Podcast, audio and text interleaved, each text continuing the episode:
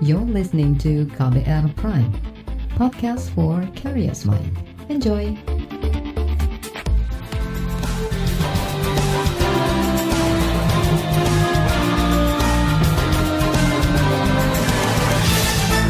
Halo saudara, senang sekali kami bisa menyapa Anda kembali dalam program KBR Sore edisi Kamis 7 Januari 2021. Saya Agus Lukman kembali menemani Anda selama kurang lebih 30 menit ke depan. Sore ini kami akan membahas mengenai pemberlakuan pembatasan kegiatan masyarakat di berbagai kabupaten kota di tujuh provinsi sejawa dan Bali yang akan diberlakukan pekan depan. Seperti apa pembatasan yang akan diberlakukan pemerintah ini? Lalu bagaimana koordinasi antar daerah terkait mobilitas warga lintas wilayah? Saudara, pemerintah pusat berencana menerapkan pembatasan kegiatan masyarakat secara ketat mulai pekan depan. Pembatasan ini akan diberlakukan di sejumlah kabupaten kota di Jawa dan Bali selama dua pekan. Rencana itu muncul usai Presiden Joko Widodo mengumpulkan gubernur se-Indonesia pada Rabu kemarin. Pembatasan antara lain mengurangi kegiatan masuk kantor dan memperbanyak kerja di rumah, meniadakan kegiatan belajar mengajar secara tatap muka, penerapan protokol kesehatan pada sektor-sektor kegiatan penting kebutuhan pokok, pembatasan jam buka pusat keramaian dan perbelanjaan, serta pembatasan kapasitas tempat ibadah. Salah satu alasan pembatasan kegiatan ini diberlakukan adalah karena angka penambahan kasus positif COVID-19 di Indonesia masih tinggi – serta untuk mengantisipasi munculnya lonjakan kasus baru pasca libur panjang akhir tahun lalu. Sementara itu, Menteri Dalam Negeri Tito Karnavian telah mengeluarkan instruksi kepada tujuh gubernur se-Jawa dan Bali. Juru bicara Kementerian Dalam Negeri Beni Irwan mengatakan instruksi yang baru dikeluarkan kemarin itu memberi wewenang kepada kepala daerah untuk mengatur pembatasan kegiatan masyarakat beserta sanksi-sanksinya. Mengatur pemberlakuan pembatasan kegiatan masyarakat yang berpotensi menimbulkan penularan virus COVID-19.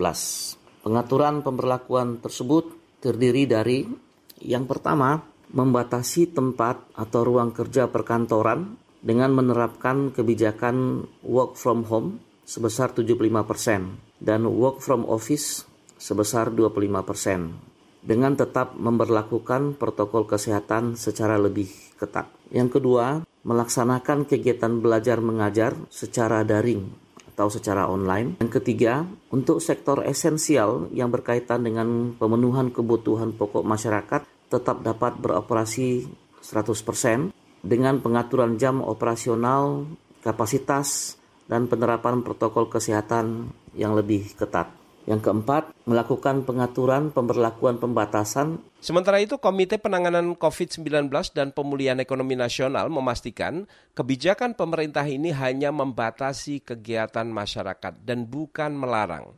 Ketua Komite Penanganan COVID-19, Air Langga Hartarto menjelaskan, pembatasan itu sebagai upaya melindungi masyarakat sekaligus langkah mengendalikan kasus COVID-19 yang kemarin bertambah lagi sebanyak 8.800 kasus lebih. Airlangga memastikan kegiatan perekonomian tetap berjalan dengan sejumlah aturan pembatasan. Jadi pertama tentu yang terkait dengan logistik dan kegiatan perekonomian itu terus bisa berjalan, tetapi tentu kalau uh, apa, mobilitasnya antar misalnya penerbangan itu kan kita sudah ada regulasinya terkait dengan PCR test dan yang lain. Yang diatur oleh pemerintah adalah di daerah ramai atau tempat di mana berkumpul, apakah itu di mall, apakah itu di pasar, ataukah itu di dine-in, apakah itu di perkantoran.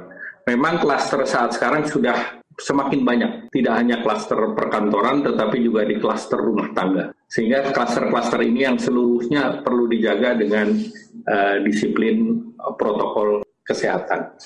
Sekali lagi, ini adalah pembatasan bukan pelarangan. Sehingga tentu kita juga mendorong bahwa mobilitas kalau tidak perlu ya di rumah, tidak perlu berpelesir karena pelesir itu tempat-tempat umum itu ditutup semua.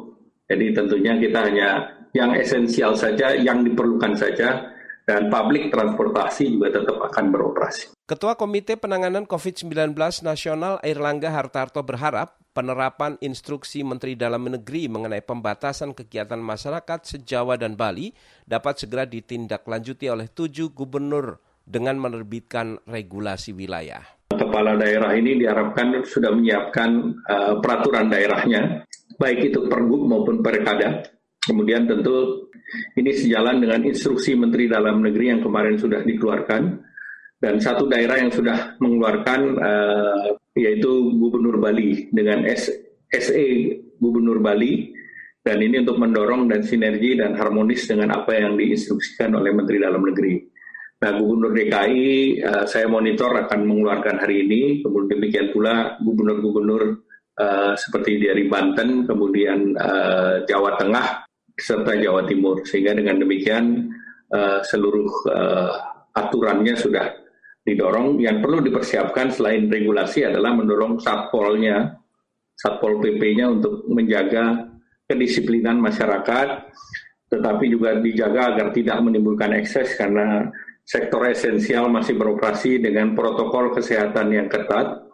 Kemudian eh, terkait dengan pasar-pasar juga perlu dijaga kedisiplinannya untuk menggunakan masker, menjaga jarak, dan juga keterisiannya untuk juga dimonitor agar tidak menjadi eh, kerumunan-kerumunan.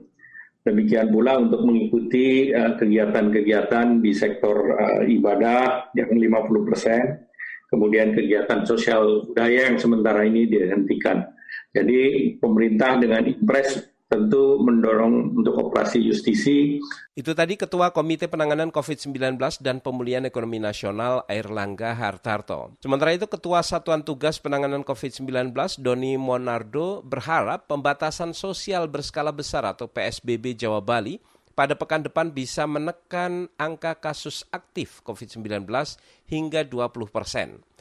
Ini berkaca pada pembatasan yang diberlakukan Oktober tahun lalu di mana saat itu berhasil menekan angka kasus aktif dari 67 ribu menjadi 54 ribu kasus atau turun 20 persen. Di bagian berikutnya, saudara kami hadirkan laporan khas KBR menyoroti rendahnya disiplin masyarakat dalam melaksanakan protokol kesehatan. Laporannya kami hadirkan sesaat lagi, tetaplah di KBR Sore. You're listening to KBR Pride, podcast for curious mind. Enjoy!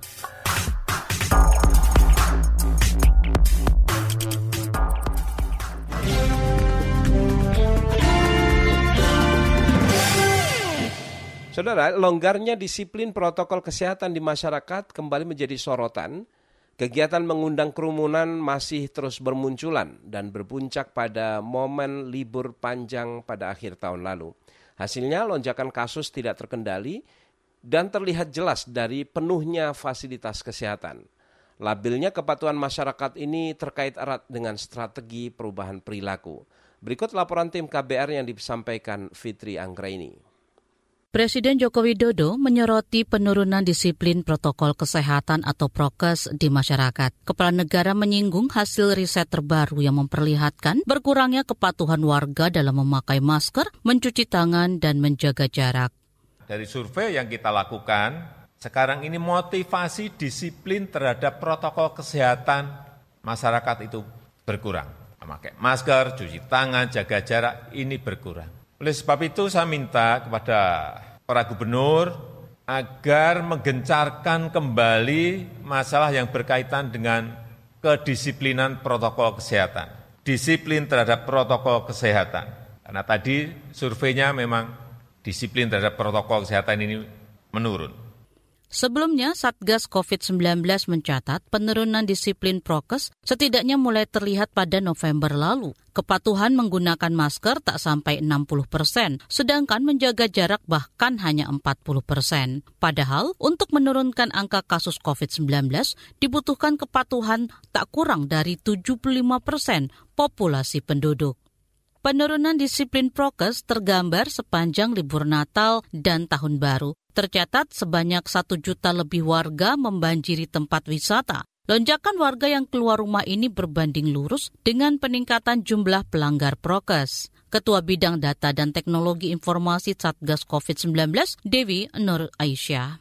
Ada sekitar 542 ribu orang yang diingatkan dan ditegur, sedangkan pada periode sebelumnya mungkin hanya sekitar 309 ribu. Jadi kenaikannya sekitar 75,48 iya. persen. Ya, kan tiga hari terakhir Jumat, Sabtu, Minggu itu tinggi sekali gitu. Jadi memang orang yang keluar juga lebih banyak, orang yang diingatkan juga jadinya harusnya lebih banyak. Jadi sama nih. Dewi menuturkan masih ada satu persen masyarakat yang menolak ketika ditegur. Nah, kita bagi tiga responnya. Yang yeah. pertama dia menerima, mm-hmm. yang kedua dia berkomitmen, mm. sedangkan yang terakhir adalah dia menolak. Dan ternyata di Indonesia masih ada yang menolak juga ternyata ketika sudah diingatkan terkait dengan pentingnya kepatuhan 3M ini dalam rangka pencegahan COVID-19. Di bawah satu persen, namun secara jumlah sekitar hmm. mungkin sekitar puluhan ribu ada. Data kepolisian juga memperlihatkan jumlah pelanggar prokes tembus 27 juta orang selama 100 hari lebih operasi justisi. Pidana kurungan dijatuhkan pada 9 orang, sedangkan denda mencapai lebih dari 7 miliar rupiah. Sosiolog Universitas Indonesia Imam Prasojo berpendapat mengubah perilaku masyarakat tidak mungkin dicapai dalam waktu singkat. Protokol kesehatan seperti memakai masker, mencuci tangan, dan menjaga jarak merupakan kebiasaan baru yang harus ditanamkan secara berkelanjutan. Nah, oleh karena itu untuk mempercepat itu, itu tidak hanya semata-mata dengan pendisiplinan yang dilakukan oleh aparat, tetapi juga harus diikuti pengorganisasian sosial yang memungkinkan partisipasi komunitas. Nah, nanti dari komunitas turun ke bawah keluarga dan kemudian setiap individu di dalam keluarga itu juga mengikuti aturan-aturan ketat yang sudah keluarga terapkan. Menurut Imam, disiplin prokes masyarakat yang menurun bisa saja dipengaruhi program vaksinasi yang segera akan berjalan. Namun hal itu juga tergantung pada seberapa kokohnya tatanan sosial yang mendukung perilaku disiplin. Imam mencontohkan penerapan 3M di perusahaan cenderung lebih tertib karena dilengkapi aturan dan penegakannya ya itu bisa saja yang mempengaruhi. Tapi coba kalau Anda pergi ke luar negeri yang punya regulasi yang atau masyarakatnya sangat disiplin. Orang yang tidak patuh sekalipun dalam konteks tatanan sosial yang sudah disiplin, maka suka tidak suka Anda ikut. Sama saja Anda yang sebetulnya orangnya tidak disiplin, tapi masuk ke kantor yang menerapkan protokol kesehatan dengan disiplin, maka dia suka tidak suka dia akan ikut Nah, syukur-syukur memang Anda punya kesadaran. Kata dia, pemerintah perlu menggencarkan pendekatan budaya dan struktural agar terbentuk perubahan perilaku masyarakat yang berkelanjutan. Jadi, gabungan antara kesadaran diri, sering orang sebut cultural approach itu, dengan structural approach, pendekatan struktural. Nah, pendekatan struktural di sini kan yang membangun regulasi yang diterapkan oleh kekuatan birokrasi, kekuatan birokrasi kantor, birokrasi masjid, birokrasi gereja, birokrasi pasar tradisional, birokrasi mall. Nah itu yang saya maksud dengan kekuatan struktur harus dibangun. Jadi tidak mengandalkan pada himbauan-himbauan yang sasarannya adalah meningkatkan kesadaran. Demikian laporan tim KBR saya, Fitri Anggreni. Di bagian berikutnya, saudara kita akan cari tahu bagaimana respon kepala daerah terhadap rencana pemerintah pusat menerapkan pembatasan kegiatan masyarakat Jawa Bali pada pekan depan. Tetaplah di KBR sore. You're listening to KBR Pride, podcast for curious mind. Enjoy.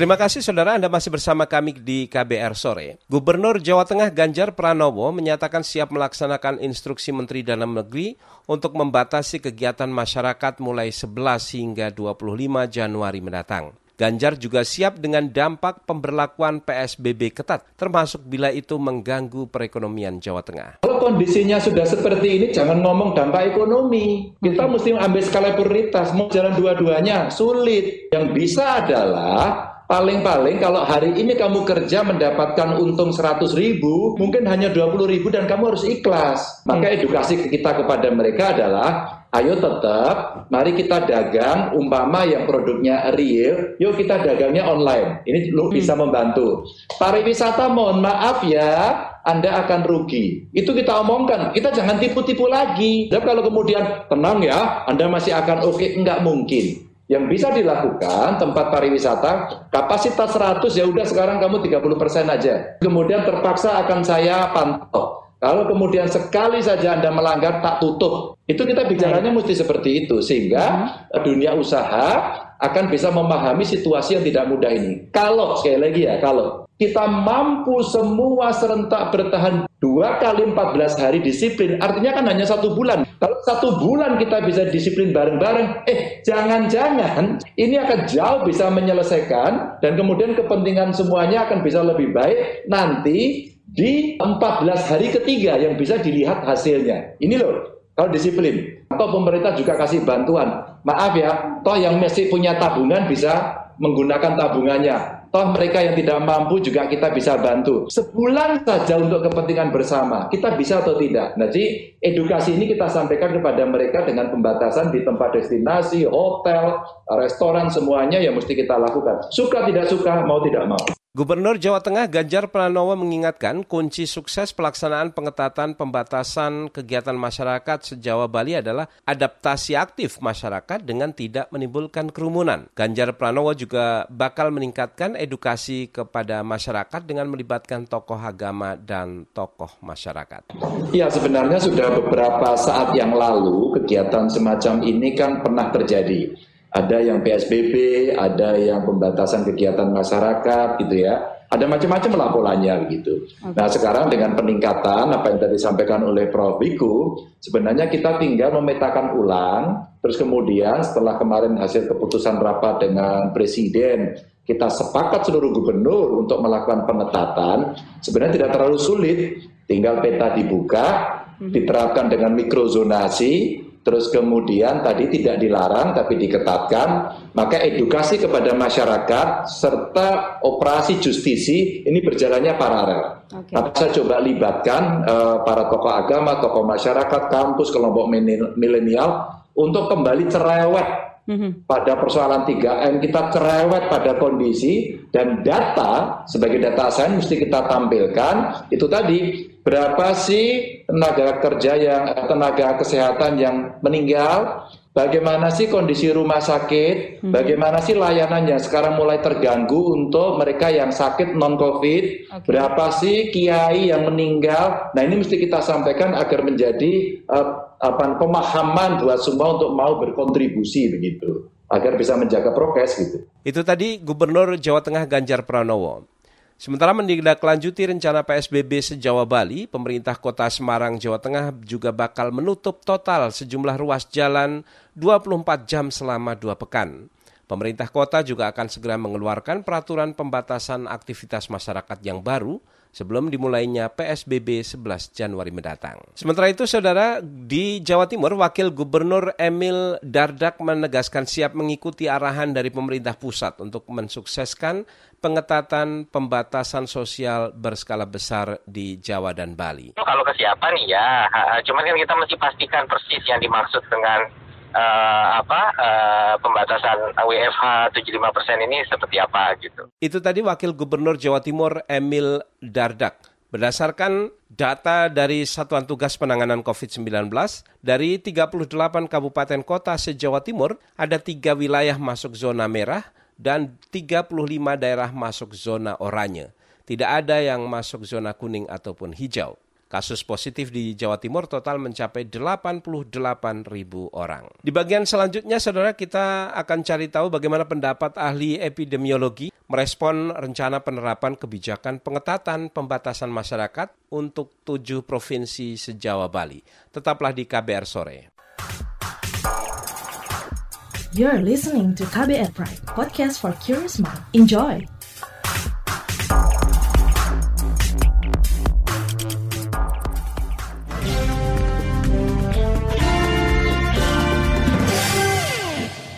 Anda masih mendengarkan KBR Sore. Saudara kalangan ahli epidemiologi menyambut baik rencana pemerintah menerapkan pembatasan sosial berskala besar sejauh Bali mulai pekan depan. Meski begitu, pemerintah harus memastikan ada koordinasi yang baik antara pemerintah pusat dan daerah. Karena tanpa koordinasi, PSBB tidak akan berjalan efektif untuk menekan laju penambahan kasus positif.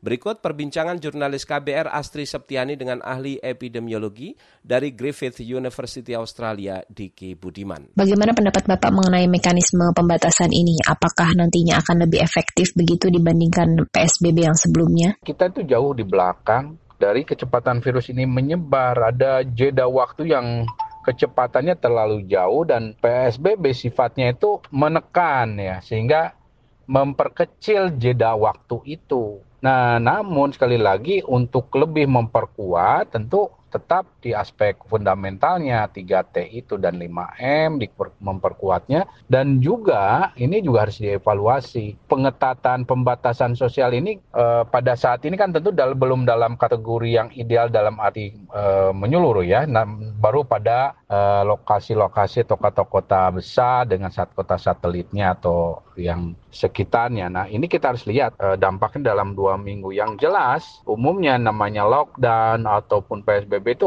efektif minimal itu satu bulan, minimal satu bulan, ya nggak akan dua minggu. Bagaimana seharusnya pemerintah memastikan koordinasi ini berjalan begitu dengan baik untuk pembatasan kegiatan yang kali ini? Sebetulnya harusnya ada waktu untuk mempersiapkan itu ya, itu ya, mempersiapkan koordinasi antar pusat daerah yang selama PSBB sebelumnya tidak maksimal ya, dan ditambah dengan temuan intra-action review WHO yang juga memperkuat ya isu di integrasi apa koordinasi integrasi ini menjadi isu yang atau PR yang masih harus di follow up oleh pemerintah. Nah, nah, nah dalam kaitan PSBB ini bila tidak ada integrasi kolaborasi ya sinergitas antar sektor, antar pihak dan termasuk dengan masyarakat ya tidak akan efektif sehingga uh, harus ada satu uh, apa namanya kan kalau kalau dasar kegiatannya sudah jelas ada regulasi nah namun ya ini harus dilakukan dengan ukuran-ukuran atau uh,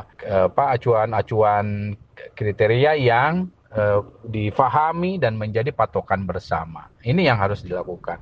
Termasuk PSBB-nya itu sendiri ya harus uh, dilakukan secara setara dan merata di antar daerah. Ya. Jadi koordinasi membaik ini ya tentu diawali dengan Eh, komunikasi yang baik dan juga penyiapan. Ini juga uh, kita lakukan bukan untuk ini saja, tapi untuk ke depan skenario berikutnya apa kalau ini gagal ya. Ini yang harus terus dibangun, termasuk nanti komunikasikan dengan masyarakat. Pak, untuk pembatasan ini kan di instruksinya tidak semua daerah begitu di Jawa dan Bali harus melakukan pembatasan kepala daerah yang kemudian berwenang menentukan itu berdasarkan dari sejumlah parameter. Bagaimana sih menurut Bapak terkait hal ini? Yang menjadi permasalahan saat ini adalah parameter yang digunakan sering kali nggak valid oleh pemerintah baik pusat maupun daerah ya. Ini yang termasuk saya yang mengkritik juga ya. Artinya harus difahami bahwa parameter yang paling penting, indikator yang paling penting dalam aspek eh, pengetatan maupun pelonggaran adalah tes positivity rate. Jadi kalau bicara indikator tes positivity rate, ya se hampir semua mayoritas kita ini nggak ada pe pelonggaran sebetulnya. Dan ini tidak boleh dinegosiasi ya, karena ini ini adalah ukuran yang standar, standar internasional dan sudah berlaku. Dan sebagai pelaku ini yang harus kita pahami dan tentu harus jadi rujukan semua kepala daerah sehingga jelas ini merujuk ke mana ya jelas dong tes positivity rate-nya kok. Termasuk kan WHO clear itu. Ada uh, beberapa kriteria pelonggaran yang bisa, uh, tapi yang terutama di tes positivity rate tentu. Itu tadi perbincangan KBR dengan epidemiolog dari Universitas Griffith Australia, Diki Budiman. Saudara, pengetatan pembatasan kegiatan masyarakat di tujuh provinsi sejawa Bali atau PSBB sejawa Bali mendapat sambutan positif dari pelaku pasar. Sepanjang hari ini, indeks harga saham gabungan atau IHSG terus bergerak menguat. Hingga pukul 15.30 tadi, IHSG berada di level 6.153, menguat 87 poin atau 1,45 persen dibanding saat pembukaan perdagangan pagi. Pemerintah mengklaim pasar merespon positif rencana kebijakan penerapan PSBB sejawa Bali. Akhirnya saudara informasi tadi menutup jumpa kita di KBR sore edisi Kamis 7 Januari 2021. Pantau selalu informasi terbaru melalui situs kbr.id, Twitter kami di akun @beritaKBR serta podcast di alamat kbrprime.id. Jangan lupa untuk tetap mematuhi protokol kesehatan dengan 3M, memakai masker, menjaga jarak, dan sering mencuci tangan dengan sabun. Akhirnya saya Agus Lukman bersama tim yang bertugas kami undur diri. Salam.